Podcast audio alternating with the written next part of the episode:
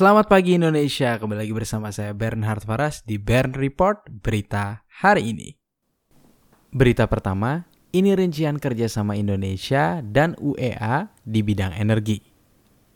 Indonesia berhasil menaikkan 11 perjanjian bisnis dengan UEA atau Uni Emirat Arab, dengan lima di antaranya merupakan perjanjian di bidang energi.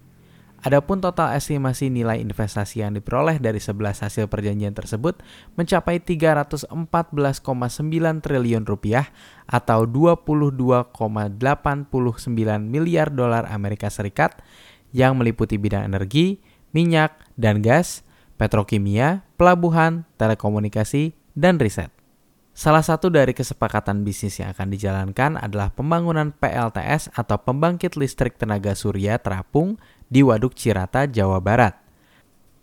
Perusahaan EBT atau Energi Baru Terbarukan Masdar yang berbasis di Abu Dhabi nantinya akan bermitra dengan PT PJBI atau Pembangkit Jawa Bali Investasi untuk membangun PLTS terapung Cirata sebesar 145 MWP alias megawatt peak.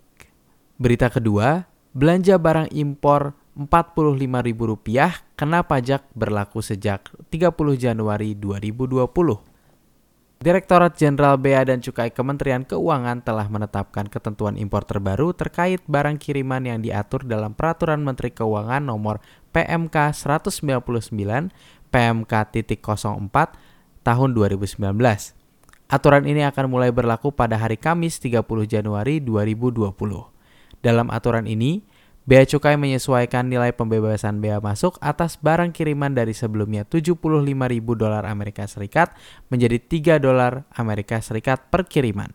Sedangkan pungutan PDRI atau pajak dalam rangka impor diberlakukan secara normal. Sehubungan dengan penerapan aturan baru ini, Direktur Kepabeanan Internasional dan Antar Lembaga Syarif Hidayat mengimbau kepada masyarakat khususnya perusahaan just tip atau jasa titipan untuk menaati aturan tersebut dengan tidak melakukan modus pelanggaran antara lain splitting alias memecah barang kiriman atau under invoicing yakni memberitahukan harga di bawah nilai transaksi. Berita ketiga, Tito Karnavian minta tambahan anggaran belangko IKTP ke Sri Mulyani.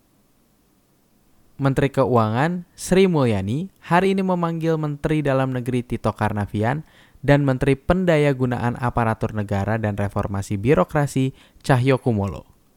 Mereka membahas soal anggaran Blanko IKTP 2020 terkait masalah anggaran Blankon IKTP. Tito Karnavian mengatakan anggaran Blanko IKTP tahun 2020 kemungkinan tidak akan cukup sampai akhir tahun. Anggaran hanya cukup untuk 5 sampai 6 bulan ke depan dan Kementerian Dalam Negeri mengajukan dana tambahan sebesar 15 miliar rupiah dari sebelumnya 12,9 miliar rupiah. Tito beralasan bahwa ia tidak ingin kejadian tahun lalu soal kurangnya belangko IKTP jadi terulang kembali.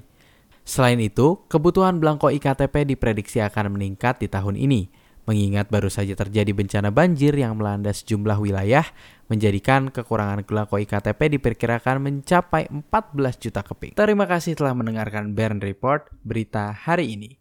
Jangan lupa untuk menekan tombol subscribe atau follow dan sebarkan ke kerabat Anda agar kita terus up to date. Saya Bernhard Faras undur diri, semangat dalam menjalani hari ini.